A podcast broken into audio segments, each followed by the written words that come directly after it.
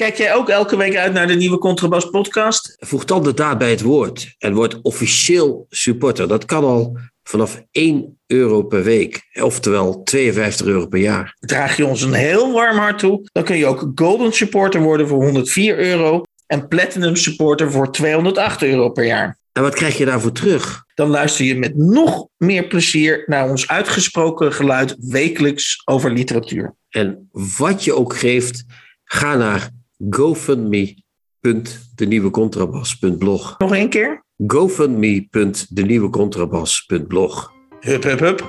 Hup.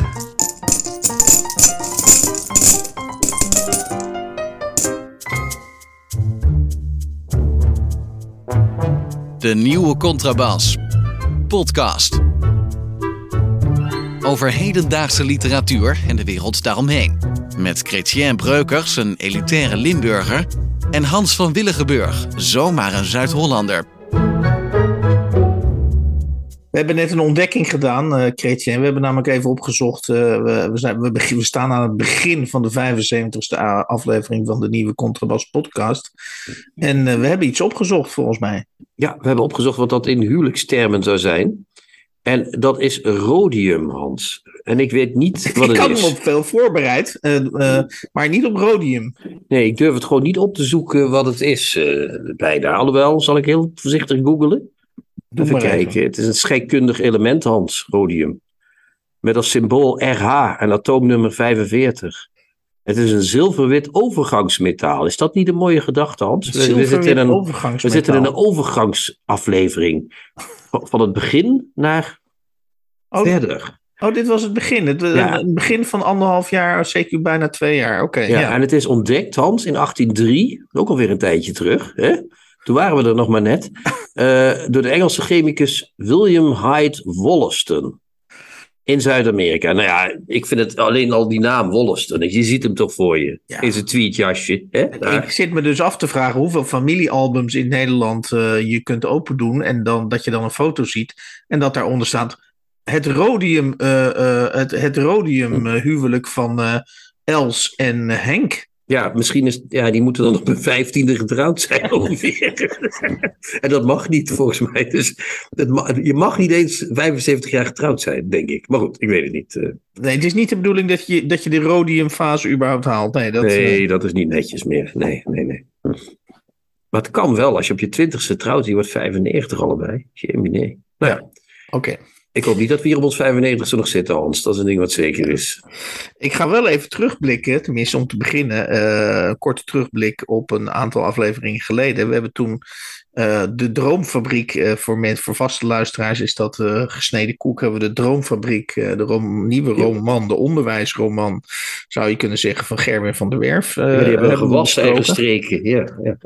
En eh, nou ja, een beetje onze, eh, ik vat het nu even samen. Onze conclusie was dat het, dat het boek absoluut kwaliteit had, maar dat het allemaal wat, eh, dat het wat, wat veel keuze, of het maakte eigenlijk geen keuze waardoor het en en en was en die verhalen of die elementen zaten elkaar wat in de weg. Er werd geen duidelijke keuze gemaakt. Maar toen las ik dus, en daarom kom ik er even op terug, toen las ik dus eh, eh, een grote advertentie op de NRC, laaiend eh, over, over dit boek. Nou ja, de- het gaat er niet om dat wij dat altijd goed zien. en, en zeker niet dat we altijd parallel lopen met de NRC. Daar gaat het helemaal niet om. Nee, Maar de NRC kunt was zo- juist niet zo positief, toch? Of wel? Nee, maar je kunt het natuurlijk ook anders formuleren. Dat, en dat was in de, in, in, de, in de recensie van de NRC. Daar moest ik eigenlijk heel erg om lachen. Ik ga het even citeren. Ehm, de Droomfabriek is op meerdere niveaus te lezen. In alle gevallen lees je een gaaf boek. Ja, dat is natuurlijk wel een heel mooi een under- of overstatement. Wat is het eigenlijk? Zo van, als je niet... Als je, dat, dat doet me een beetje denken aan van eh, bij, bij eh Boer zoekt vrouw. Die man die zei van, ik heb niet zoveel verwachtingen eigenlijk. Ik leg de lat heel laag. Kan het altijd meevallen? Toch of niet? Of ben ik dan te negatief? Dat weet ik Ah, niet. je, je bedoelt, je valt nu over het. ik- Kijk, ik, ik- de reden Maar dat ik dit welk citeer. niveau ik, je citeer het, nog even, ik citeer het nog even één keer voor de duidelijkheid. De Droomfabriek is op meerdere niveaus te lezen. In alle gevallen lees je een gaaf boek. Volgens mij vind jij vooral het woord gaaf, neem jij aanstoot aan. Nee, op alle niveaus. Dat begrijp ik niet. Ja, dat, vind ik. Als je dus leesvaardigheid 1 hebt, dan is het eigenlijk een heel moeilijk boek, maar wel heel gaaf. En als je leesvaardigheid 2 hebt, of AV3, of wat is het allemaal. En dan, is, dan kun je het al beter lezen. Dan is het ook een heel gaaf boek. Ja, ik weet, ik snap, het, is, het is weer zo'n zin als. Is dat van Thomas of niet? Uh, nee, dit was uh, een Judith IJsselin, geloof ik. Oh, Judith IJsselin, ja. Ja, dat is toch een zin uit het. Uh, ik vind het toch een beetje jargonees wat ik hier lees. Ik, ik, ik snap niet wat er staat. Ja. Maar ja, ja. we weten natuurlijk allemaal, maar we gaan niks, we gaan niks suggereren. Maar oké, okay, Germin van der Werf is uh, criticus bij Trouw, dat weten we allemaal. Dus uh, het zou natuurlijk kunnen zijn dat de criticus van de NRC toch, toch uh, onderaan de streep net iets wat liever is voor een criticus van Trouw. ik weet het niet, Hans. Ik herinner me nog toen Arie Storm recensent was bij, de, bij Parool. Ja. Dat hij twee sterren van Ian Peters kreeg. Maar ja, Oké, okay, Arjen Peters. Laten we dat uh, lijken ook ja, dat zijn, dat zijn twee mannen. Dat, maar we suggereren uh, inderdaad niks. Nee, nee. Dan hebben we als... Oh, dan mag ik Ik mag geen dan zeggen. Nee, doe dat dan ook ik, niet. Ik zei, ik zei het gewoon. Ik, ik, ik, ik, de instructie was Hans geen dan zeggen. En dan bats gewoon dan erin. Ja, sorry. We zijn nog geen vier minuten op weg of daar gaat hij weer. Ja, jammer. Maar ja, niks aan De grote poëzieprijs, daar moeten we het over oh, ja. hebben, begrijp ik. Want uh, ik, jij, wist het, jij wist het al, ik wist het nog niet. Ik, weet, ik vraag me ook af wanneer is dat ding opgegeven. Maar de grote nou, poëzieprijs, voor alle mensen die dat iets minder volgen, dat is de opvolger van de ooit toch tamelijk legendarische VSB Poëzieprijs. Uh, die ja. was ooit uh, 25.000 euro uh, groot. Uh, uh, dat, dat is dus opgevolgd door de, de grote poëzieprijs. En, daar, en dat, dat verbaast me toch wel. Daar is, schijnt dus, als ik je goed begrijp, daar schijnt gewoon geen, niet genoeg geld meer voor te zijn. Nee, het, ik las het op het onvolprezen Zoom, hè, on, on, uh, de website. Ja. Er staat hier dat ze in een persbericht laten weten de reden. Dat is dus uit het persbericht. De Poëzieclub, de organiserende instantie, ziet geen mogelijkheid om het benodigde geld bij elkaar te krijgen. De Poëzieclub is de afgelopen jaren diverse publieke en private partijen bereid te vinden om geld te doneren, zodat de VSB Poëzieprijs een waardige doorstart kon maken, nadat de VSB-fonds als sponsor was afgehaakt. Maar ja, geen structurele financiering kunnen vinden. En nou is het dus afgelopen met de pret. Roelof de Napel zal de laatste winnaar zijn. En uh, is, het, is, het, is, het stemt toch een beetje droevig, vind je niet? Ja, je hebt, je, hebt, je hebt een iets andere invalshoek dan ik, volgens mij. Maar ik vind eigenlijk dat alle poëzieprijzen eerst maar eens tien jaar moeten worden afgeschaft. Dat zal ze leren. Fuckers. Maar uh, als, het dan toch, als ze dan toch een prijs hebben, kunnen ze beter een grote prijs doen. Uh. Ja, okay. uh, dus dan, dan vind ik dat één prijs, dat zou dan kunnen, maar dan een prijs van 50.000. Om de drie jaar. En die dan heel erg in het geheim door drie of vier heel verstandige mensen wordt uitgereikt. maar, maar, maar voor de ja, rest... Mensen, nee, mensen met, die op eenzame hoogte staan, wil je zeggen. Ja. Maar goed, als de Poëzieclub, uh, die ooit heel mooi begonnen is en door Gerrit Komrij is opgericht en toen ja, dat... uh, veel succes had, uh, niet meer in staat is om iets te funden, dat zegt misschien ook iets over wat de Poëzieclub kan. Misschien is daar ook niet veel meer, zitten daar ook weinig mensen met, met pizzazz, zoals dat heet. In ik heb de neiging over dit onderwerp toch een wat gezwollen toon aan te slaan. niet, omdat ik nou zo, niet omdat ik nou zo begaan ben, op, op, per definitie zo begaan ben met de Nederlandse poëzie, daar gaat het helemaal niet om. Maar uh, ik vind het eigenlijk diep triest uh, dat ten eerste dat de poëzieclub uh, kennelijk dus afhankelijk is van, van de goede tieren of de luimen van een aantal mensen die dat, die dat geldbedrag bij elkaar brengen. En, en er hoeft er dus maar eentje met de verkeerde been naar bed te stappen of die denkt, ja, ik woon inmiddels in Torremolinos of ergens anders en ik vind die poëzie niet zo boeiend meer. Het gas wordt duurder. Ja. En, en dat er dan dus een hele prijs in elkaar kukelt. En als je ziet waar allemaal wel wordt, geld wordt uitgegeven. Ik bedoel, uh, nou ja, je kunt allerlei zijstraten noemen. Die ga je, al die zijstraten ga ik niet noemen. Je bedoelt misschien werkbeurzen, ja, dat soort dingen. Uh, festivals die worden gesubsidieerd. Ja, dan kan dat er ook wel 20.000 voor een poëzieprijs vanaf. Nou ja, en, en ik wil daar zelfs nog een licht patriotistisch uh, argument tegenaan gooien. Als je als Nederlands taalgebied, Nederland en België in dit geval, Nederland-Vlaanderen... en dus ook als Nederland, je eigen, je eigen poëzie niet meer 20 op jaarbasis. Hè? Dus we hebben, we hebben het over. Oh, dan hebben we het over uh, 1500 euro per, ongeveer per maand uit mijn hoofd uitgerekend. Als je dat niet meer voor je eigen. Het is misschien wat gezwollen, maar als je dat er al niet meer voor over hebt. En, en dan gaat het me eigenlijk helemaal niet meer om die dichter die het wint. Want dan kun je er altijd eindeloos over blijven uh, delibereren of dat de juiste winnaar is. Uh, dat heeft trouwens ook een waarde in zichzelf. Hè? Een beetje, beetje kletsen over waarom heeft die gewonnen. Dat, dat lijkt me ook op zich niet slecht voor de, voor de poëzie. Maar dat, dat, dat zelfs dat dus niet meer overeind kan blijven. Ja, dat vind ik toch wel een teken destijds. Uh. Ja, misschien is het dat wel. Misschien ligt het aan, aan we weten niet waar het aan ligt, jammer genoeg. Hè? Ligt het nou aan de poëzie? Ligt het nou aan de tijd? Ligt het aan de mensen eromheen? Ligt het aan de organisatie? Het heeft inderdaad iets droevigs. Het heeft iets ja. van een instortend huis waar je naar staat te kijken. Ja. Ik heb daar een aansluitend uh, een, een, vraag over, die ook even, we blijven even bij de poëzie. Ik zag namelijk, uh, ik weet niet eens meer precies waar, maar dat was vandaag, zag ik een uh, gedicht geciteerd worden uit de poëziekrant.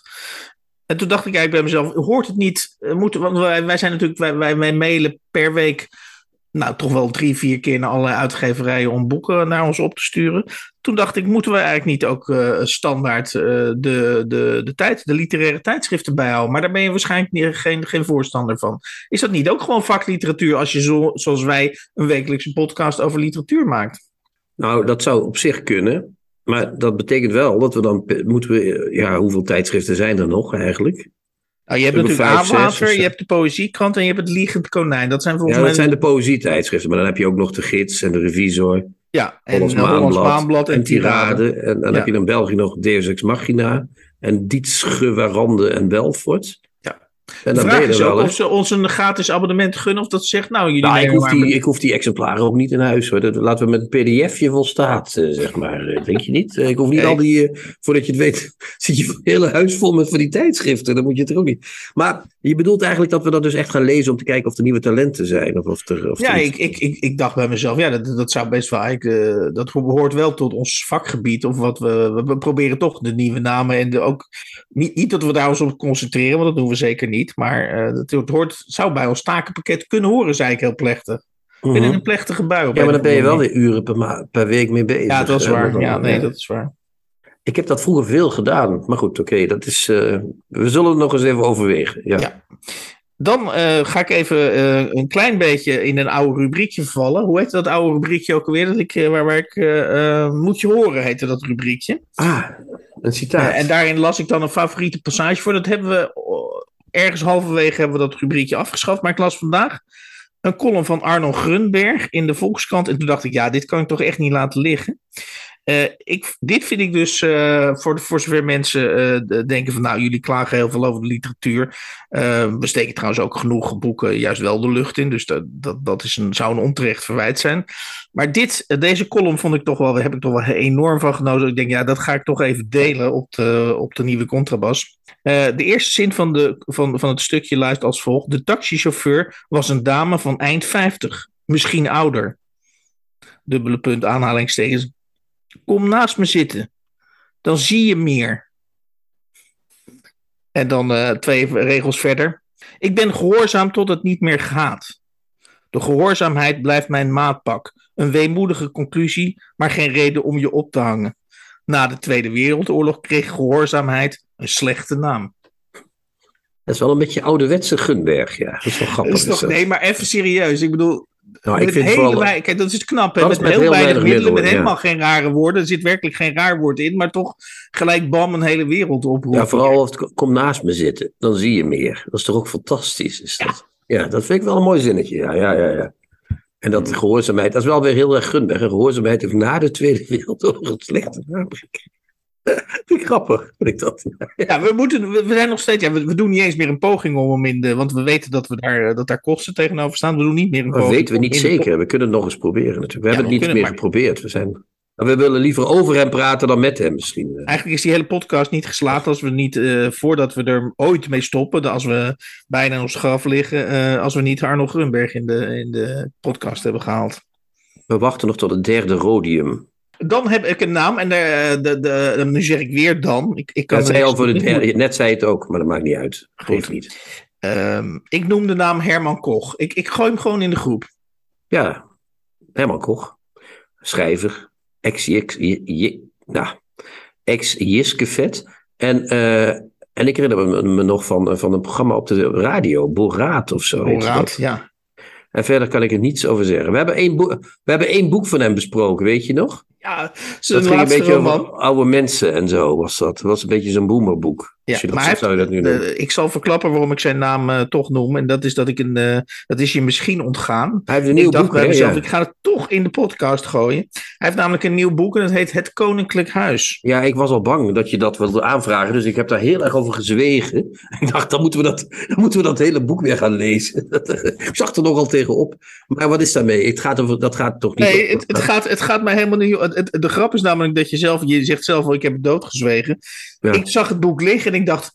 Ik zag één groot nee op mijn scherm. Op mijn, eh, op mijn oh ja, eh, dus jij hebt scherm ook niet zo nodig. Ja, Dus ja, in die ja. zin heb je de wink er flink, er flink of de, hoe zeg je dat? Eh, de mhm, er flink onder bij mij. Wind daaronder, ja zeker. Oh, die- oh, je zag een nee omdat je aan mij dacht. Eh, je Ja, ik dacht aan- aan jou en ik dacht, je nou, dat gaan we dus eh, niet. Dat, dat, daar kan ik niet meer mee aankomen. Terwijl ik toch nog wel be- ouderwets benieuwd ben naar hoe hij eh, zo'n onderwerp als het Koninklijk Huis. eh, Want dat, je, Nee, maar Hans, wat, wat, wat let je om het boek eh, te lezen? En dan, doe je, dan ga je tegen mij vertellen hoe fantastisch het is. En dan zeg ik, nou, mooi. we, we- we gaan als het goed is in oktober, dus dat is nog even, nog even wachten, maar het zit eraan te komen. Ja. Zijn wij gevraagd om, eh, eh, in ieder geval eh, zijn we gevraagd om twee festivals op te leuken. Ja. Wat En de vraag is? Gretje, Ja. luidt dit een nieuwe fase in van de nieuwe contrabas? Of moeten we, moeten we hier überhaupt blij mee zijn? Of moeten we gewoon gezellig in onze kamertjes blijven zitten en eh, eh, leuke podcast, informatieve podcast maken? Moeten we al het publieke gedruis aan ons voorbij laten gaan? Nee, we moeten af en toe wel publiek eh, gedruis proberen te vinden. En ik, vind, ik verheug me er ook heel erg op. Vooral dat in Rotterdam, dat heet Woordnacht. Woordnacht. En ehm, dan hebben we ook nog iets in, in, in eh, waar we zitten ook alweer ver in Noord-Holland ergens. Ja, in Zaandam. Zaandam, jezus. Ja. Ja, dat is ver. Maar, maar dat is ook leuk. En daar eh, gaan we met allemaal. eh, dat wordt een soort eh variété, wordt dat, hè, geloof ik. Met, met Arthur van Amerongen en, en, en Aquasi. Ja, Die, die twee polen, daar bevindt het zich tussen, dat festival. dus En, idealiter hebben, krijgen we die dan al gelijktijdig aan, aan tafel bij ons. ja, misschien moeten we ze allebei proberen kwaad te krijgen. Dat zou ook leuk zijn. Het wordt moeilijker bij Arthur dan bij Aquasi, denk ik. Maar goed. Aquasi heeft ook een boek geschreven, hoor ik hier net ineens iemand zeggen. Nou ja, wist ik ook niet. Maar, maar we moeten dus af en toe erop uit, maar niet iedere week, Hans, stel ik Nee, voor. niet iedere week. Maar, maar het, is, het is dus een kleine, als ik je goed beluister, het is een kleine promotie. eh, Ik dat vind we het wel lollig Dat we ook doen. festivals gaan doen.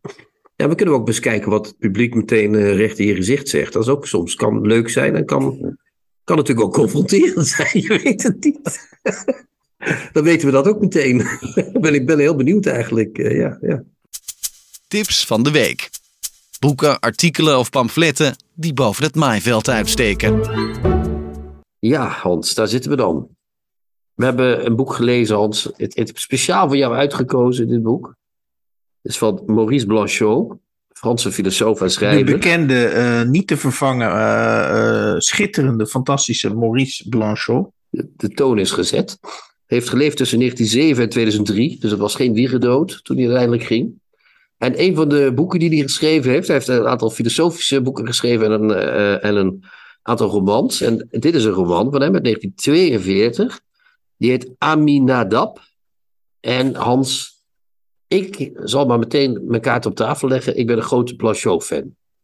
Oké, Ken je dus, jij, dus, ik, jij, dus jij wist al van de hoed en de rand voordat je. Ik kende al een paar van zijn romans, onder andere Thomas de Duistere, Thomas, Thomas eh L'Obscur, L'Obscur of Lo- L'Oscur. Oké. Eh, eh, en een paar andere boeken waar de titel mij nu niet van. Maar goed, dat doet er niet toe. Het gaat erom dat ik wel een beetje Blanchot kende. En wist Ja. wat mij te wachten stond, vooral. Nou, ik heb eh, nog, nog, nog voor ik verder, voor, voor we ingaan op het boek zelf, was het zo dat ik, dat gebeurt me wel vaker, dat ik het boek eh dichtsla, laten we zeggen 30 minuten of, of een uur of twee uur voordat de podcast begint. Om, eh, dat kan tijdnood zijn, omdat ik andere dingen te doen heb, maar dat kan ook zijn eh, omdat ik er eh, met moeite doorheen kom. En dat was in het geval van eh, eh, Maurice Blanchot het geval. Ik, ik, ik, ik dacht, ik moet vanavond in de podcast het volgende omschrijven. Wat, wat mensen niet zal bevreemden is dat ik in een, eh, in, een, eh, in een werkvertrek zit waar veel boeken zijn. Hè? Dus ook veel nieuwe boeken, want we krijgen eh, namens de podcast veel boeken opgestuurd. En ik had zin in heel veel van die boeken. Ik zag allerlei wenkende covers dat ik denk, oeh, dat, dat is leuk, dat is leuk. En toen dacht ik, maar shit, ik moet, ik moet eerst die verdomde. Dus zeg, al die covers waren aantrekkelijke oprijlanen. Waar ik bij wijze van spreken, ik gebruik nu even een metafoor. Waar ik met mijn auto graag het grindpad uh, van was opgereden. Maar dan was dat ene boek van Maurice Blanchot. Wat mij, op mij overkwam als een, als een soort dichtgetimmerd huis. Wat het bijna letterlijk ook is. En uh, ja, de, de, de plicht riep. Dus met andere woorden, ga jij, die, ga jij, ga jij dat dichtgetimmerde huis maar in. En daar werd ik. Ik dacht bij mezelf: hoe ver ga ik voor de podcast? Nou, je, je, gaat ver, maar eh, laten we er gewoon eens even met het boek beginnen dan. Ja. want je bent nu al zo kunstvijandig aan het uh, ratelen de hele tijd. Maar uh, het valt allemaal best mee. Het gaat over een, uh, Thomas. Thomas. Hè? We moeten bij dit boek denken aan de eerste zin. Het, de eerste zin is: Het was klaar licht. Hè? Dat is de eerste zin. Klopt. En we moeten denken aan de laatste alinea. Daar kom ik dadelijk nog eventjes op terug. Dat, dat is al een, ja, dat is al een sleutel. Oké, dus ja, zo, ja. Dat is één. Tweede sleutel is: het gaat om Thomas, uh, uh, de hoofdpersoon hè, uit het boek. Die ja. uh, in, in, een, in een huis terechtkomt op een dag dat hij ergens loopt. En in dat huis maakt hij de meest onwaarschijnlijke dingen mee. Dat kunnen we toch wel zeggen. Hij komt in een kelder, hij komt mensen tegen, hij wordt gevangen genomen, hij komt een meisje in een tegen. zieke boeg, hij is hij zit in een zieke boeg, hij, zit met, hij wordt in vertrouwen genomen door mensen, hij wordt juist niet in vertrouwen genomen door mensen. Het doet heel sterk denken, Hans, en dat heb jij ongetwijfeld ook meteen gedacht. Het staat zelfs achterop op de flap, dat we het, op, opdat wij het niet vergeten. Het doet heel sterk denken aan het proza van Kafka, met name het slot, hè, waar je ook die man hebt die naar het slot wil, mhm. maar die komt er maar niet. Die, die komt in een herberg, bij een burgemeester in een school, uh, bij mensen thuis. Die zit op een bed van een portretschilder, maar hij komt niet, waar hij ook komt, komt niet bij dat slot terecht. Ja, en hier die Thomas, die, we weten niet waarom die in het huis is. Maar in wezen weet hij het zelf ook niet. Hij komt zelf er ook niet helemaal achter wat hij in dat huis allemaal uh, aan het uitspoken is, toch? Of wel? En dat huis uh, achter op het boek staat. Ik, ik, moet toch nog heel eventjes verder, want het is natuurlijk een, rij, een, rijk boek. Um, uh, de lezer vol, achter op de flap staat. De lezer volgt hem tijdens zijn omzwervingen door dit pand en zijn eindeloze poging om de hogere verdieping daarvan te bereiken. Waarbij hij al gauw verstrikt raakt in de wanhopige uitzichtloze, uitzichtloze levens van de opgesloten bewoners. En dan staat er iets in wie menigeen het Joodse volk tijdens de Exodus zal Ja, precies. Ja. Dat vond ik een zware, net zoals bij Kafka is dat ook, dat zijn zware claims. Zijn dat. Bij Kafka wordt dat ook vaak gezegd. Ja, maar je, je moet bij dit boek, eh, zeg ik als, uh, als kunstvijandig iemand, je moet ergens een claim bij. Dus dan maar de claim dat het een Jood, ik bedoel, dan, dan ja. trekt je misschien nog wat ja, mensen naar binnen. Kafka wordt daar ook vaak uh, voor, voor dat karretje gespannen. Maar ik zie dit eigenlijk als een boek wat gaat over iemand die een huis ingaat. En dat moeten we zien als een droom of als, een, uh, of als het onbewuste ingaan of als, weet je wel, ja. jezelf ingaan. En die dan probeert erachter te komen, wat is daar allemaal aan de hand in, in dat huis, in mijzelf uh, als wezen. Want als je de laatste uh, alinea leest, wie bent u, zei hij met zijn rustige en overtuigende stem. En het was alsof deze vraag hem in staat zou stellen alles op te helderen. Dus het begint met, het was klaar licht. En het begint met een vraag waarvan hij denkt, misschien zou dit iets kunnen gaan ophelderen. Dus, eh, nou ja, dan is hij er nog niet, dus blijkbaar. Maar wat ik maar wil zeggen, dit hele boek is dus niet, denk ik, een Joodse exodus, maar dit is een, een, een afdaling in het zelf, in het uh, zelf uh, van die Thomas ik vind het bewonderenswaardig hoe je dit boek probeert. En dat proberen we, dat, dat probeer, als, als ik het samenvat, doe ik ook maar een poging. En dat is altijd onvolledig, dat, dat is, dat is duidelijk. Maar uh, bij dit boek vraag ik me werkelijk af, en dat is misschien weer mijn kunstvijandige inborst. Ik citeer jou. sorry dat het zo hard aankwam, Hans. Ja, nee, niet, nee, maar ik vraag me af hoeveel mensen op grond van deze beschrijving denken, in hun handen wrijven en denken, nou, dit gaat wel een boek worden voor mij. Hier ga ik wel, wel een paar herfstige avonden mee doorbrengen. Nou, dat zou heel goed kunnen. Kijk, het is, het is, het is geen boek uh, wat je op elk niveau, wat was het ook alweer, of uh, Gerben van der Werf? Op alle niveaus was het een gaaf boek. Ja, dit is uh, niet zozeer een gaaf boek, dit is een hallucinant boek. Dit is een boek dat je denkt, wat, wat gebeurt hier nou weer? Wat gaan we nou weer meemaken? Wat, is, wat doet hij nu? dat, dat Aminadab is trouwens wel iets wat op je, dat, dat is een naam die verwijst naar een naam in de Hebreeuwse Bijbel van verschillende personen. De bekendste hiervan leefde volgens de overlevering tijdens de Israëlitische ballingschap in Egypte. Dus er wordt wel iets van Joods uh, gesuggereerd uh, in, in het boek. Maar wat ik wil zeggen, dat is misschien geen boek. Het is, het is misschien geen page-turner, dat is het juist niet. Dat, is juist... sowieso, dat is sowieso niet, Kees. Nee, dat, nee, daar kunnen, we, dat, dat, kunnen, we, daar kunnen we helder over zijn. Ja. ben ik met je eens. Het is zelfs heel vaak een page-terugturner. Want je moet soms kijken, wat gebeurde er ook alweer twintig bladzijden geleden. Want nu ben ik even de draad kwijt. Maar het is wel een ouderwetse uh, leeservaring. Het is in die zin, vind ik het een bijzonder boek, omdat het, ah, vind ik het heel goed geschreven. Het is heel vaak dat hij de stijl van Kafka ook nadert, hè, die ook die eindeloze zinnen heeft en die eindeloze gesprekken tussen mensen, dat je denkt, waar gaat dit nog over? Ja, maar u moet wel bedenken dat dit en dat, zo en zo. En de, de stijl is fantastisch. Uh, je moet, mee, je moet uh, mee bewegen op de, op de muziek van Blanchot. En dan kom je heel gemakkelijk door dat boek heen. Vind ik. Het is, het is geen makkelijk boek, dat, dat geef ik meteen toe.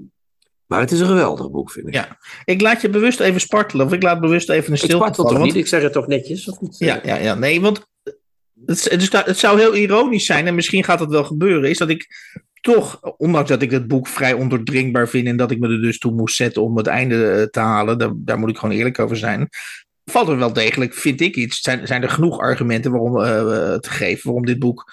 Uh, om te, wat jij zegt, op zijn minst een moeite waard is, of misschien zelfs heel erg boeiend om te lezen. En uh, ik hoor jou dat niet zeggen, maar dat vond ik dus wel heel inventief. Uh, we, hebben, we hebben ooit in, in gekscherende zin gezegd: um, we gaan, als wij een literaire prijs organiseren, dan gaan we een escape room, uh, or, dan gaan we een, die schrijver in een escape room zetten. En dan kijken we wie, welke schrijver het eerst uit de escape room komt, en die geven we de literaire prijs. Ja. Nou, ik, ik moet toegeven, ik, ik heb nog nooit een boek gelezen dat dat zo dicht bij een escape room komt als, als dit van Amina Dab. Dus dat, als ik het even vertaal naar, naar 2022, kun je zeggen, nou, als mensen houden van een escape room, of die zien de romantiek daarvan in, of die vinden dat leuk, dan, dan moet je misschien Amina Dab lezen. Want ik las het als een vorm van escape room. En wat ik heel erg ja, mooi vond, in zekere, ondanks dat ik er moeilijk doorheen kwam, wat ik wel mooi vond, is dat hij uh, de overgang in al die vertrekken. Dus de ene keer moet hij door een venster, dan moet hij weer door een ja. Die, die grensmomenten. Ja, ja, ja, Dan is er weer een schilderij waar hij zich weer, weer in verliest. Dus de manier, de, de, de, de haast vloeiende manier waar, waarop hij al associërend van vertrek naar vertrek gaat. Van hoe, kamer naar hoe gang, naar, is dat naar kelder, et cetera.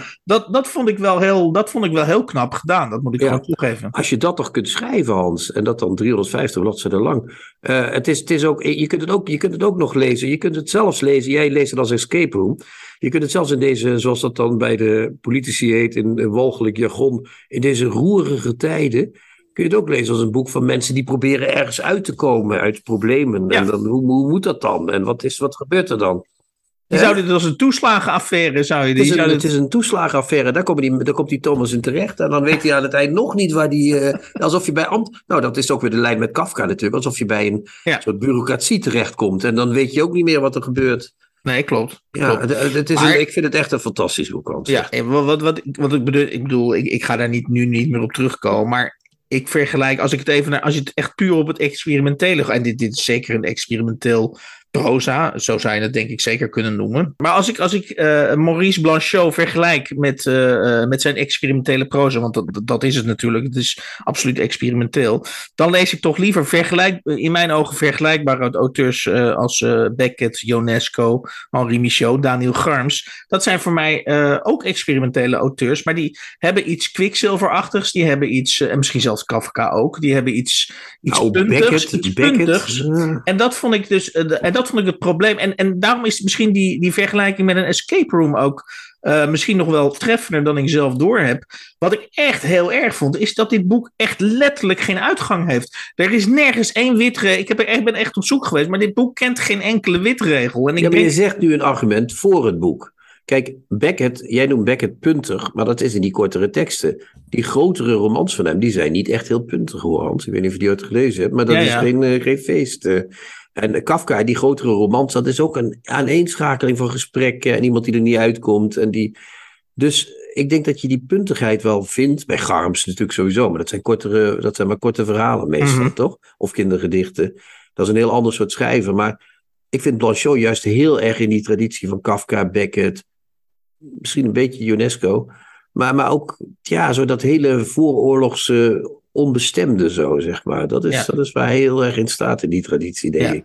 Maar goed, je kunt zeggen, het, ik, ik, maak even een issue over die witregels die er dus niet zijn. Nee, dat die zijn er zich, niet. Nee. Dus dat vind ik op zich al, al opmerkelijk, want ik, ik, lees bijna nooit een boek waar geen witregels uh, in staan, maar dat is dus heel bewust gedaan.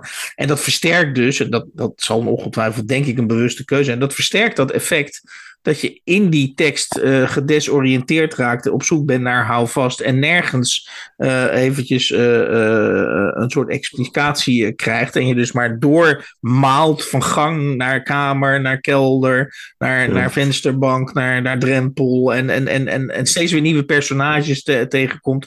En inderdaad, gesprekken over definitiekwesties. Ben je nu een getuige of ben je nu in een andere rol in? En als je een andere rol wil hebben, dan moet je eerst aan een aantal voorwaarden voldoen. Hè? Dat, daar, ja. daar kun je inderdaad, uh, et cetera, et cetera. Uh, dus um, ja, ik nogmaals, um, als, als je dan toch experimentele auteurs hebt, dan, dan heb ik liever dus die andere auteurs. Ik, ik werd hier niet warm van. Maar ik, Zullen we de schrijver zelf het laatste woord geven? Klein doe citaatje. Maar, doe maar, ja. doe maar. Dan is hij ergens in een vertrek en dan ziet hij een ladder hangen. En dan gaat hij dan. De, de ladder was alles behalve nieuw.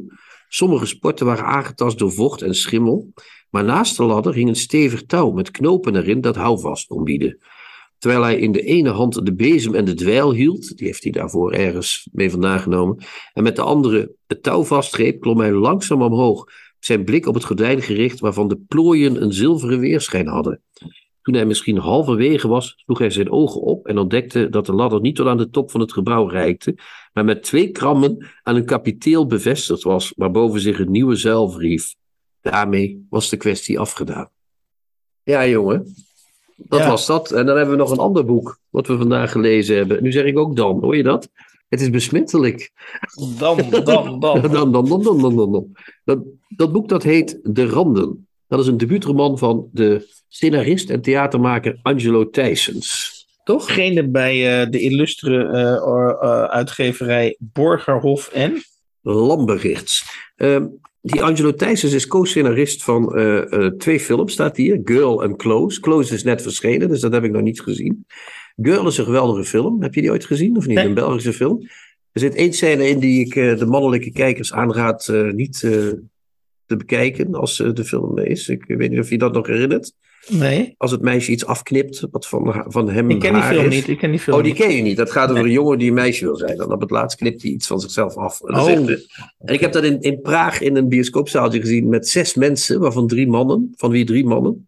En die drie mannen die op dat moment die trokken allemaal eh, groen weg toen ze wat zagen, zeg maar. Dus dat, was, een heel mooi moment. Maar goed, Oké, de- deze Angelo Thijsens heeft dus nu over een man geschreven. Die heet Te Randen. En wat is dat voor boek, Hans? Eh, het is een, dat is een goede vraag, Chrétien. het is een heel ander boek dan dat van Blanchot. Het is, het is in ieder geval, eh, kan ik met, volgens mij met een eh, gerust hart zeggen, het is een broeierig boek. En het, Dat is is een waar. boek, en het is een boek over een hoofdpersoon die, eh, waar we in verschillende tijdvakken in zijn leven binnenvallen, letterlijk. In zijn jeugd, hè, bij zijn moeder. Wat, wat agressieve moeder heeft hij. Is een Precies. gewelddadige moeder. In zijn adolescentie, als hij de, een beetje zijn homoseksualiteit begint te ontdekken via een hele goede vriendschap Exact. die hij heeft. Hè. En in zijn huidige leven zou je kunnen zeggen, Ja, waarin zijn moeder is overleden en hij terugkeert naar die jeugdliefde, toch? ja, absoluut. En de rekening opmaakt. En de rekening is niet heel florisant, als je het zo bekijkt, of niet? In de zin van, hij beschouwt de, de, de rekening van zijn leven niet als iets... eh, nou ja, hij verwacht niks meer, als je het zo zou kunnen zeggen. Maar dan, We kunnen even doorgaan op het boek. eh, dat, dat, dat gaan we zeker doen. ehm, eh, doorgaan op het boek zelf. Maar ik, ik, ik heb na het boek. eh, heb ik wat. dat, dat doe ik soms als ik daar zin in heb. als het boek me dusdanig met ra of tenminste onbevredigend of met raadsels heeft opgezaald. dan ga ik soms wat additionele. Eh, secundaire informatie. eh, toe, eh, dat ga ik opzoeken. En bij Angelo Thijsens kwam ik het volgende interview in de morgen tegen. En daar zegt hij het volgende. En dat zegt denk ik al iets over hoe ik ook dit boek waardeer. Ik had ook nog nooit een boek geschreven. Dus ik dacht, dubbele punt, ik probeer dat eens. Ja, dat is een, een mooie, dat vind ik een eh, mooie, positieve, levensbejahende houding. Maar ik eh, denk toch dat hij hier eh, daar toch iets te makkelijk over gedacht heeft, eerlijk gezegd. Zal ik even vertellen waarom ik dat Ja, denk? doe of maar, doe maar. Nou, we hebben net de, de, de contouren van het boek geschetst. Hè? Langs allerlei randen benadert hij de, dat, dat leven van die jongen, hè? van die man en die jongen. Dus, uh, wat, Waarvan we veiligheidshalve kunnen aannemen dat het Angelo Thijsens is, denk ik. Maar wat we nooit helemaal zeker kunnen zeggen. Weten we nooit zeker. Maar we denken het wel, ja. Uh, en die, uh, dat, dat, is mooi gedaan. Maar hij heeft, omdat, ik denk dat ik, ik, ik heb het boek, toen ik wist dat hij ook scenarist was, heb ik het boek heel sterk gelezen als de opzetten van een aantal scènes. Dus van nu moet er dit gebeuren, nu moet er dat gebeuren, nu moet er zo en zo. En het kwam alsmaar niet tot leven voor mij ik werd steeds maar weer uit dat boek geduwd. Zo van, eh, hij schrijft het op, maar hij schrijft het zo op dat je het letterlijk zou kunnen verfilmen. Want heel vaak zijn die overgangen van het heden naar bijvoorbeeld dat zijn moeder agressief was tegen hem. Mhm. die, dat speelt zich in één zin af. Hè? Dat gaat binnen één zin, eh, schiet hij dan terug die jeugd in. Op beeld kun je dat heel mooi doen. Maar in een boek hebben we bij Blanchot ook al gezien, die overgangen maken, dat is best lastig. Je moet soms een overgang echt paar zinnen voorbereiden, en dan komt er iets en dan komt er een overgang. En hij blijft dat tot hoofdstuk 13. En het is een boek zonder paginanummers. Dus ik weet eigenlijk niet op welke pagina dat is. Ik denk dat het boek samen zoiets 128 pagina's is. Maar op hoofdstuk 13, daar begint eigenlijk de roman pas. Heb ik voor mijn gevoel. Uh, uh, en, en waarom begint het daar volgens jou pas? Omdat daar ineens een scène is. Dan gaat hij terug naar het huis waar zijn moeder heeft gewoond. Nadat hij haar verlaten heeft. Dus dat heeft hij nooit gezien, dat huis. En dan komt hij binnen. En dan ineens wordt het sterk en scherp. En dan zegt hij: De trap al ruikt naar bleekwater. De donkerbruine deurmat is aan de randen versleten. De deur is zwaar en vol traag in het slot. Ik loop de trap op, treden voor treden. Nou, dat had dan nog niet gehoeven. Want hoe moet je anders een trap oplopen? Houd de doos vast en zie de deuren van de flats passeren. Hier en daar schoenen op een mat. Schattige regenlaarsjes, sneakers. De namaakversie van de classics die je vroeger ook zo graag wou. dan zie je ineens iemand die die trap opgaat naar die flat van die, van die uh, moeder waar ze na, na hun gezamenlijke leven gewoond heeft. En dan denk je, dat, dat, dat, het valt me de laatste tijd heel vaak op. Net zoals bij het boek van Gerben van der Werf dat heel veel van die boeken zo gestructureerd zijn. Dat je denkt, waarom is die auteur nou, waarom wacht hij met het drama tot aan het eind? Weet je wel, waarom moeten we daar eerst helemaal doorheen, door al die uh, nietsigheden? En dan komt het drama. En waarom begin je daar niet mee? Dan heb je van daaruit, komt, daar, daar wordt een heel boek uitgeboren, zou je zeggen. Het is interessant hoe je het formuleert. Want, want, eh, want je, als, als ik je goed citeer, zeg je dus eigenlijk zie je pas iets vanaf uh, hoofdstuk 13. En, en dat is ook precies zoals ik dit boek ervaren heb. Je wordt door die scènes heen geleid, maar het zijn korte zinnetjes die in mijn ogen ook niet lekker uh, vloeiend in elkaar overlopen. Je hebt ooit volgens mij in de podcast gezegd: goed proza en ook goede gedichten kun je uiteindelijk ook herkennen dat het lekker leest. Dat je, als, je, als je het hardop leest, dat het ook lekker klinkt. Ja. Uh, en nou ja, sorry, maar als, als, als ik dit. Ik, ik, ik, ik vond dit. Kijk hier bijvoorbeeld uh, op hoofdstuk 10. Ik voel de koude vloer tegen mijn schouders. Ik voel de korrel zand tussen mijn vel en de tegels. Ik voel zijn hand en hoe die mijn been in de lucht houdt.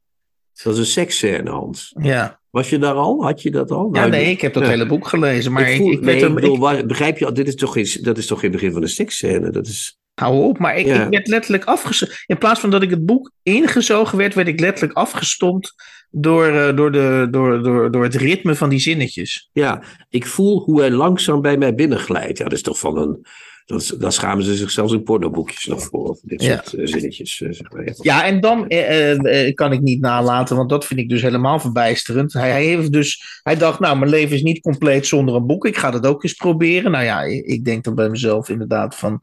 eh, dan zeg je ook niet, god, ga, weet je, dat klinkt een beetje van, nou ja, ik kan, kan eens een leuke tekening maken. God, ik ga Hoe moeilijk kan dat nou zijn? Maar, maar, maar hij heeft wel een netwerkje, die, eh, die Angelo Thijsens. Want dan zegt eh ene Koert van Egem, die zegt hierover. Ik ken Koert van Egem Nee, maar dat is wel mij iets beroemds in België. Maar ik is- ben het ook even kwijt. Belg en dan zegt, Ja. die zegt een verhaal waarin de liefde. eh, En dus even, even uh, uh, mind you, eh, wij komen er niet doorheen, maar Koert van Egem heeft dus een heel ander boek gelezen. Die zegt een verhaal waarin de liefde jubelt en pijnigt. Angelo presenteert zich als een groot, een groot romancier. Jezus, Mina. Het is En een dan- televisieman, ja, En bestaat Peter hier. ja. Woek die zegt een waterval aan zorgvuldig gekozen woorden, vol intiem en intens verdriet, maar ook hoop.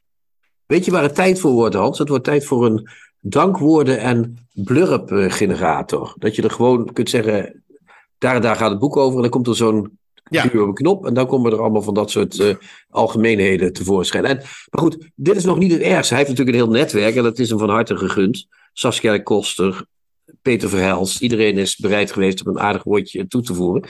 Maar het, het gaat er natuurlijk om het boek zelf wat hij heeft gemaakt. en, en wat mij het meest dwars zit, is dus dat het op zich, hè, elk onderwerp kun je een boek over schrijven, toch? Dat is zo. Zeker. Maakt niet uit, je kunt een boek maken over iemand die de trap afdaalt. Hè? Dat was trouwens ooit van plan, heeft hij nooit gedaan. Had hij het maar gedaan in plaats van al die flauwe laatste romans te schrijven. Maar dat kun je schrijven. Maar dit heeft genoeg drama in zich om, om, eh, om uh, uh, een mooi boek te worden. En dan wordt het toch nog niks. Vreemd, hè? Ik heb ook sterk het idee dat het. Dat, ik weet het niet. Dat in het echt. Er, ja, nee, dat weet, kijk, ik, ik ken Angelo Thijsens niet. Of, of, of, maar ik, ik, heb, ik heb bijna het idee dat het in het echt uh, misschien allemaal erger was dan. En dat hij het ook heel erg heeft proberen op te schrijven. Maar dat het totaal niet overkomt. En dat ik, dat ik, dat ik het. En dat is het ergste natuurlijk. Ik, ik sla het dicht met een volkomen onverschillig, uh, onverschillig gemoed. Uh.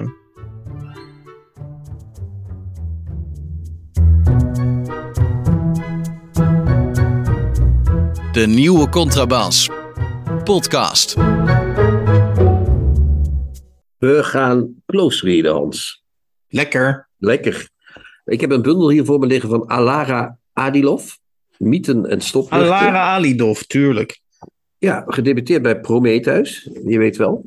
Van de... We zijn een multiculturele samenleving, dat weet ik, daar ben ik van op de hoogte. Maar Alira, wat dat, uh, ja, dat is wil, een, wil, ik, wil ik toch even ouderwets weten, sorry voor de alle woke-luisteraars, wil ik toch even weten wat hij voor roots heeft. Want die komt ja, want dan mag je tegenwoordig eigenlijk niet meer vragen, waar kom jij vandaan? Want we Nee, komen niet, allemaal uit de wereld. Hè? Ja. Uit de Er staat achterop, staat, en dat heeft de uitgeverij gezegd, dus dat herhaal ik.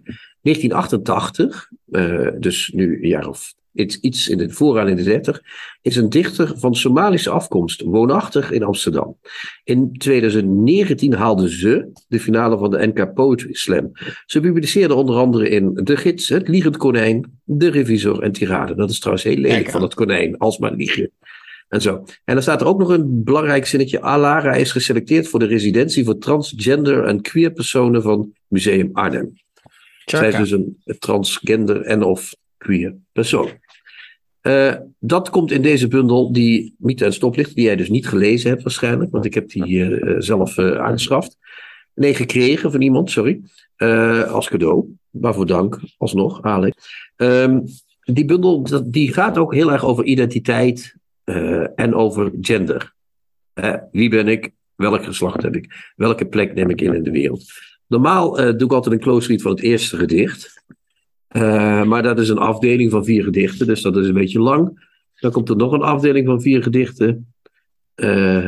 Met trouwens wel, eh, ja, het zijn mooie gedichten, maar goed. Dat is ook weer te lang. Dan komen er nog wat andere gedichten. En omdat we nu in de tijd van politieke debatten zijn. Vandaag eh, de algemene, hoe zeg je, de algemene beschouwingen. Ja, Ja. ja. ze hebben nu zo dat ze elkaar eh, ritueel eh, toebalsen over allerlei feitjes en dingetjes. eh. En vandaag was Rutte aan het woord, op de dag dat wij dit opnemen, hè, donderdag. En hoe? En- En hoe? en hoe? Uren, uren, uren. Ja. Ja, hij was uren aan het woord. Ik heb het zelf niet gevolgd, moet ik eerlijk zeggen, want ik kan daar heel slecht tegen, tegen dat soort taal. Ehm, maar ehm, die komt in dit gedicht voor. Dus ik vond het leuk om jou, met jou dit gedicht te lezen. Nou, misschien is dat, eh, wordt, wordt het wel de herinvoering van de grote poëzieprijs. Rutte opnieuw, duikt, Rutte. duikt opnieuw op in Ne- Red Nederlandse Poëzie. Ja. Ja, want Rutte zou be- best eh, 15.000 euro per jaar kunnen missen, denk ik. L- Rutte lijkt me niet de persoon die één, één, één keer één vakantie overslaat en zegt: Dat bedrag ga ik eens in de poëzie steken. Voordat je het weet moet je alle kunstvormen gaan redden. En dan blijf je bezig als premier. Je bent de premier van alle Nederlanders, maar je hoeft ze niet allemaal te onderhouden. Hè? Dat is ook weer waar. Maar goed, het gedicht heet Schenk mij een taal waarin ik genderloze verhoudingen kan aangaan met de wereld. Mooie titel, toch? Of niet? Ja, Schenk mij een taal waarin ik genderloze verhoudingen kan aangaan met de wereld. Vind ik al eh, heel veelbelovend. is eigenlijk al de eerste regel. Maar oké, het is de titel, Ja, begrijp ik. Het is Ja. de titel, ja, ja, ja. Ik vind het... Ik, ik herhaal hem om eventjes, net als een haiku, om het even goed tot ons te laten doen. Ja, is goed. Is goed. Mijn haar zoals Tina in de muziekvideo van What's Love Got to Do With It. Wie heeft een hart nodig als een hart zich zo makkelijk laat verleiden door taal? Ik heb te veel blush op en met gouden highlighter ben ik de basda- bastaarddochter van Hera. Daar beginnen we mee, Hans. Wat Mhm. vinden we ervan? Mooi, hè? We zien Nou, dat, zijn wel, dat zijn een paar leuke statements achter elkaar. Ja, What's Love Got to Do With It. We weten dat liedje, wij, wij kunnen dat liedje nog bijna meezingen, hè? Ja, Uit de tijd dat Tina Turner nog mooi was. En dat is toch ook alweer eventjes terug, zeg maar. En eh, voordat ze verbouwd was of zo. Wat, eh, nou ja, dat, nu gaan we weer helemaal het verkeerde pad op. Maar ehm, wie heeft een hart nodig als een hart zich zo makkelijk laat leiden door taal? Vind ik prachtig. En dan komt er meteen achteraan. Ik heb te veel blush op en met gouden highlighter ben ik de basta-dochter van Hera. Ja. Godin Hera. Hè? Ik brand van verlangen hoe het verder gaat, want dit, dit is een veelbelovend begin. Hier, hier, hier, hier ga ik goed op. Ja. Ja, genderloze verhoudingen. Tina Turner. En dan eh, de taal, blush, highlighter en Hera. Dus alle vormen van cultuur komen hier als het ware in een paar regels samen. Het is nu al een gezamtkunstwerk. Ja. Nu al, maar dan komt het, Hans. Nu gaan we, nu, jetzt geht die party richtig los. Rond half drie haalt Rutte een fazant uit een kooi, slacht hem en draagt het kadaver als hoofdtooi. Na een paar glaasjes champagne en onnodige en oppervlakkige identiteitsuitwisselingen mag ik hem neuken. En daar ben ik dankbaar voor. Want hij is de gladrijk heilige minister-president al 13 jaar lang. Iets om trots op te zijn. En hij heeft mooi witte billen die zacht zijn en onschuld uitstralen. Nou, hè, is nog eens een ander beeld van Mark Rutte dan je gewend bent, of niet? Eh, Fazant. ja, een fazant, hij, hij, hij behaalt een fazant uit de kooi. Het is een soort offer, hè? Of, of, of een soort, wat zou het zijn? Hij gaat iets doen. Ja. En slacht hem en draagt het kadaver als hoofdtooi. Dus je ziet Rutte voor je, hè? Met die iets te hoge rug die hij tegenwoordig heeft. En daar zet hij dan een fazant op.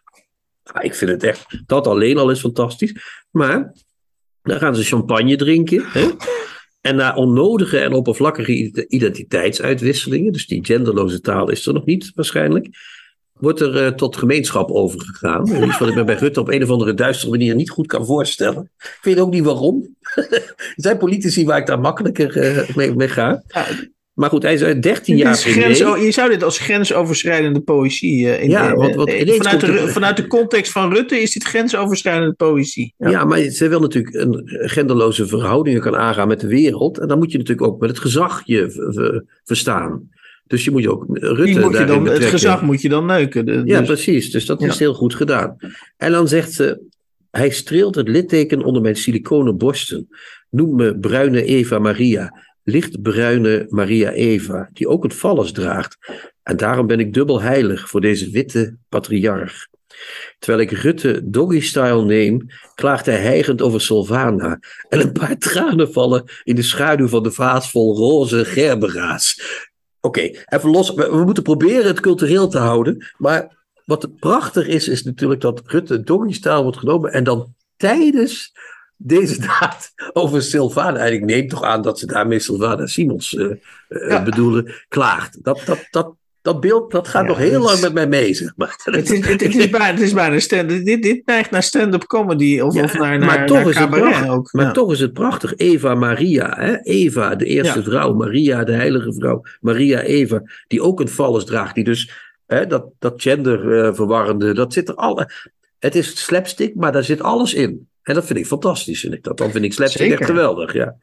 Dan komt eh, een zin, cursief, eh, een strofe cursief gezet. Zelfs een wolf kan in Nederland minister-president worden als je maar de juiste mensen opeet. Hè, dat is bijna, hier zitten we bijna bij Frank Keizer. Hier zitten we bijna in het pamflet eh, poëzie eh, gebeuren. Ja, maar ik vind het ook heel. Ik vind, nou goed, ik, ik moet niet voor niks. Ik bedoel, je, le- je leest het leuk eh, heel goed voor, zoals altijd. eh, complimenten daarvoor. Maar ik vind het echt oprecht een heel komisch, eh, echt een heel komisch gedicht ook. Ja, maar het is natuurlijk ook een hele mooie uitspraak. Hè? Je kunt, premier, je kunt minister-president worden als Ja. je maar de juiste mensen opeet. Dat is natuurlijk wat Rutte al nu, het is geen 13 jaar, ik geloof dat hij 12 jaar is of zo. Ja, je, je zou in feite zou je dat, eh, eh, dat zou je eigenlijk, eh, je zou die hele biografie over Rutte, al die boeken over Rutte, zou je door deze, door deze zin kunnen vervangen. Ja, dat heeft ze heel mooi gedaan. Mark, je bent mijn fetish. Die hoge naaldhakken staan je goed. Gifgroen staat je waanzinnig. Mijn hete sissiesletje en mijn macho alfa-wolf. Je speelt de rollen keurig onkreukbaar. Je gedaanteveranderingen op het nieuws zijn fabelachtig. Je bent mijn zonnekoning. Deep throat me, Rutte, bitch. En dan XV11, de 17e. Dus hè, niet de 16e, maar de 17e. We dwalen door de mist in ons. De mist is als een stem. Ja, de registerwisselingen zijn ook fantastisch in dit gedicht. Hè? Hier dat, hij, eh, dat, dat, dat ze zegt, je bent mijn fetish. Die naaldhakken staan je goed. Gifgroen staat je waanzinnig. Kan zo uit de folder komen. Hè? Gifgroen staat je waanzinnig. Gifgroen ook, hè? Gif. ja, Mijn, en dan ineens mijn hete sissiesletje. Zitten we ineens, hè? wat zitten we nou dan ineens? eh, en mijn matcha alfa wolf. Die speelt de rollen keurig onkreukbaar. Dat is ook weer zo'n zin die zo meteen in zijn biografie kan, En dat hij dan ook een soort zonnekoning, hè? dus de zeventiende. Maar dan heet hij zonnekoning Rutte Bitch de zeventiende, zeg maar. Ja, het doet me op een of andere manier. Misschien is dat een vreemde associatie, of misschien kun je daar je goedkeuring over uitspreken. maar het doet me ook een beetje aan de begintijd van, van Bart Chabot. Uh, nou, die had ook van dat soort gedichten, ja. Van Mexicaantje, oranje hoed, bejaarde vlees, geweldig goed. Ja, toch? Ja, Weet zeker. Je nog? Ja, dat waren ook hele mooi. Die had die lange stapel ja, gedichten. Vooral ook die, die vermenging van actualiteit, uh, nou ja, goed, politiek en, en, en, en ja, allerlei en actie voeren. Ja, ja, ja, zeker een onderschatte dichter, de, de vroege Chabot, zal ik maar zeggen. Ja. Voordat hij doorkreeg dat uh, gewoon sentimentele kutboekjes schrijven en zonen maken een beter businessmodel was, was het een goede dichter. Dat is zo, ja, ja. We hebben nog even te gaan. Het is een lang gedicht, maar niet oh, zo heel lang eh, meer. Ik dacht dat het af... Oh, oké. ja. Maar nog een paar strofen. Die zal ik, nu, ik zal nu de laatste strofe achter elkaar doen. Wanneer we een korte pauze nemen, mag iedereen een liedje kiezen. Mark kiest Rukert Ik speel Tupac's Troublesome 96. Cutaways, my mentality is ghetto. A guerrilla in the, this criminal war. We all are rebels. Rutte en Wilders klagen over de agressie, de criminaliteit. Ik begin over de illegale nederzettingen in Gaza. Het is even stil, of beter gezegd, een engel veert een tocht uit de kieren van onze gevoelens. Rutte is extatisch en wil meer. Ik ben moe. De nacht krabt zichzelf open. Het licht vergult ons. Ik vind het jammer dat de dichter niet gestopt is naar die werkelijk fantastische zin, rielke zin. Een engel veert een tocht uit de kieren van onze gevoelens. Ja. Als ze daar gestopt was, was dit, hadden ze dit nu bij elke openbare beschouwing in miljoenvoud op uh, vellen moeten drukken en uitdelen in Den Haag. Voor mij wordt gewoon 20.000 euro gewoon voor dit, hele, voor dit euro ene per jaar aan besteden voor dit ene gedicht. Ja. En nou ja, goed, dat Rutte estatisch is dan meer wil, dat is leuk. maar, dat, dat, maar, maar, maar ook hier weer, hè, de Rukertlieden, hè, uh, Maler. En, en, en, en zij uh, kiest Tupac, weet je wel. Dan weer dat uh, hoge cultuur tegenover de lage cultuur. En dan ineens Rutte en Wilders klagen over de agressie, de criminaliteit. Ja. Ik begin over de illegale nederzetting in Gaza. Dat is altijd een mooi onderwerp om mensen op te naaien natuurlijk. Hè? Dan begin, als je over de Gaza-strook begint, nou dan is de discussie niet ver. Dan weet je dat je op de bodem zit. Ja. Dan zit je lekker op de bodem van de discussie. Zit je. Dan is de Godwin niet ver weg, zeg maar. Of dan zeggen ze van, weet u wel dat die school waar u geweest bent, dat daar spionnen op zaten. Of dat die werden, ge, hoe heet dat, geronseld uh, daar. Ja, ja. Maar dan, het is even stil, of beter gezegd, een engel veegt een tocht uit de kieren van onze gevoelens. Ja, dat is echt... Nou ja, ik vind dat fantastisch. Nou ja, ik, ik, het contrast met eh, de randen van Angelo Thijsens had niet groter kunnen zijn. Het Hier is wel meer echt opmerkelijke een, zinnen Een geweldige slot van onze podcast, vind ik. dit. Ja, zal ik het gedicht even helemaal doen, als slot dan? Want dat doen we altijd. Of Ja, zal doe ik dat maar. niet meer doen? Ja, er staan hier echt op meer opmerkelijke zinnen in dan die hele roman van Thijsens. Hè. Dat is echt eh, op, op, één, op twee bladzijden. Schenk mij een taal waarin ik genderloze verhoudingen kan aangaan met de wereld. Mijn haar zoals Tina in de muziekvideo van What's Love Got To Do With It. Wie heeft een hart nodig als een hart zich zo makkelijk laat verleiden door taal? Ik heb te veel blush op en met gouden highlighter ben ik de basta-dochter van Hera. Rond half drie haalt Rutte een fazant uit een kooi, slacht hem en draagt het kadaver als hoofdtooi. Na een paar glaasjes champagne en onnodige en oppervlakkige identiteitsuitwisselingen mag ik hem neuken en daar ben ik dankbaar voor. Want hij is de gladrijk heilige minister-president. Al dertien jaar lang. Iets om trots op te zijn. En hij heeft mooi witte billen die zacht zijn en onschuld uitstralen. Hij streelt het litteken onder mijn siliconen borsten. Noem me bruine Eva Maria, lichtbruine Maria Eva, die ook een vallus draagt. En daarom ben ik dubbel heilig voor deze witte patriarch. Terwijl ik Rutte doggy-style neem, klaagt hij hijgend over Sylvana en een paar tranen vallen in de schaduw van de vaas vol roze gerbera's. Zelfs een wolf kan in Nederland minister-president worden als je maar de juiste mensen opeet. Mark, je bent mijn fetish. Die hoge naaldhakken staan je goed. Gifgroen staat je waanzinnig. Maar je hete sissiesletje en mijn macho alpha wolf, je speelt de rollen keurig onkreukbaar. Je gedaanteveranderingen op het nieuws zijn fabelachtig. Je bent mijn zonnekoning. Deep throat me. Rutte bitch, de zeventiende. We dwalen door de mist in ons. De mist is als een stem. Wanneer we een korte pauze nemen, mag iedereen een liedje kiezen. Mark kiest Rukertlieder. Ik speel Tupac's Troublesome 96. Gutterways. My mentality is ghetto, a guerrilla in this criminal war. We all rebels. Rutte en Wilders klagen over de agressie, de criminaliteit. Ik begin over de illegale nederzettingen in Gaza. Het is even stil, of beter gezegd, een engel vecht een tocht uit de kieren van onze gevoelens. Rutte is extatisch en wil meer. Ik ben moe. De nacht krabt zichzelf open. Het licht vergult ons.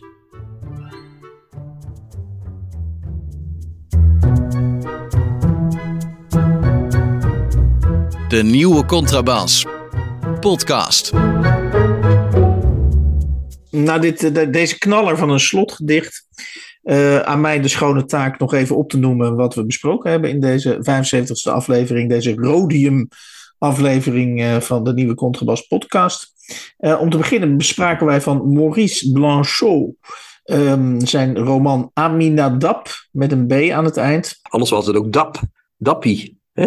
Zo Ik moet Amsterdam. opeens denken aan Coterbie, Le Café Dap. Ja, fantastisch. Ik Café Dap. Ja, ja het is het. Zo heet Eh, dat boek ook. dat- Le Café DAP. Ja. Eh, Maurice Blanchot dus met Aminadab, eh uitgegeven door uitgeverij Kievenaar. En vertaald en- door Peter Bergsma. En het is vertaald door Peter Bergs. Maar goed dat je me even in de reden viel, eh Christian. Sorry. Dank. Sorry Hans. Sterker dan ik zelf. Eh, dan bespraken we, eh, ja. eh, Dan, we- hè, we- zei is je weer. Wel goed. bespreken, toch? Wat we gedaan hebben van dat boek? Of, of, of we, hebben, past, hier een ander, of past hier een ander werkwoord? eh?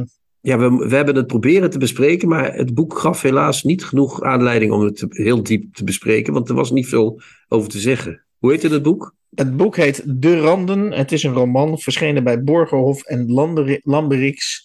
En eh, Het schrijver. is geschreven door Angelo Thijssens. En ik heb begrepen dat, is dan, eh, dat, dat hij in ieder geval scenarist is van een aantal zeer boeiende en eh, eh, zeer de, veel, Nou, dat films die Girl is een fantastische film. Ja, ja, dat is echt een hele mooie film. Ja. Dus eh, misschien eh, een klein tipje van de nieuwe contrabas, Angelo. Ga, eh, blijf, blijf lekker bezig met die films. Maar eh, boeken is misschien toch een ander chapiter. Ja, of vra- vraag ons om lichte begeleiding. Dat kan ook natuurlijk. Oh, wat arrogant, hè, gadver. Wat vervelend is dat zeg. Wat jammer nou dat ik dat eh, zo verpest. eh. En dan moeten we de dichtbundel nog even doen. Ja, van, doe eh, jij dat van maar even, want die heb jij Ja. uitgekozen. Alara Adilov. Mythen en stoplichten. Ik, ik las laatst dat er al tweede druk verschenen was. Dus het gaat goed met de bundel. En terecht. Want het gedicht wat wij lazen was ook al fantastisch. Het is dit jaar verschenen, ook 2022 bij Prometheus. Dus eh, dat heeft, eh, ik, ik zou bijna zeggen, dat heeft eh, meneer Spijkers toch maar weer goed gescout. Die mag misschien ook wel een keer in dat Château Sint-Gerlach dan logeren van hem. Hè, in dat obje- objectje wat hij gekocht heeft. Eigenlijk is de balans best... Limburg. Ja, Ja. in Limburg. In het ver... Ik wil ook wel eens naar Limburg. Oh nee, daar kom ik wel heel vaak. Hè. Nou ja, Ehm, hoe heet het? Ik vind de balans toch wel positief van deze uitzending. Jij niet, Hans? Toch wel, hè?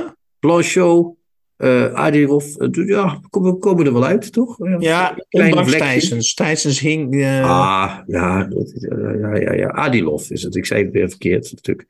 Maar ehm Thijsens hangt er een beetje bij. Maar er is hoop, Angelo. Dat is altijd zo. En tot die tijd, Hans, zeggen wij, Tjoe tjoe, tja tja. tja tja tja. Doei doei. Kijk jij ook elke week uit naar de nieuwe Contrabas podcast? Voeg dan de daad bij het woord en word officieel supporter. Dat kan al vanaf 1 euro per week. Oftewel 52 euro per jaar. Draag je ons een heel warm hart toe, dan kun je ook Golden Supporter worden voor 104 euro en Platinum Supporter voor 208 euro per jaar. En wat krijg je daarvoor terug? Dan luister je met nog meer plezier naar ons uitgesproken geluid wekelijks over literatuur. En wat je ook geeft, ga naar gofundme.denieuwecontrabas.blog. Nog één keer? gofundme.denieuwecontrabas.blog. Hup, hup, hup. Hup.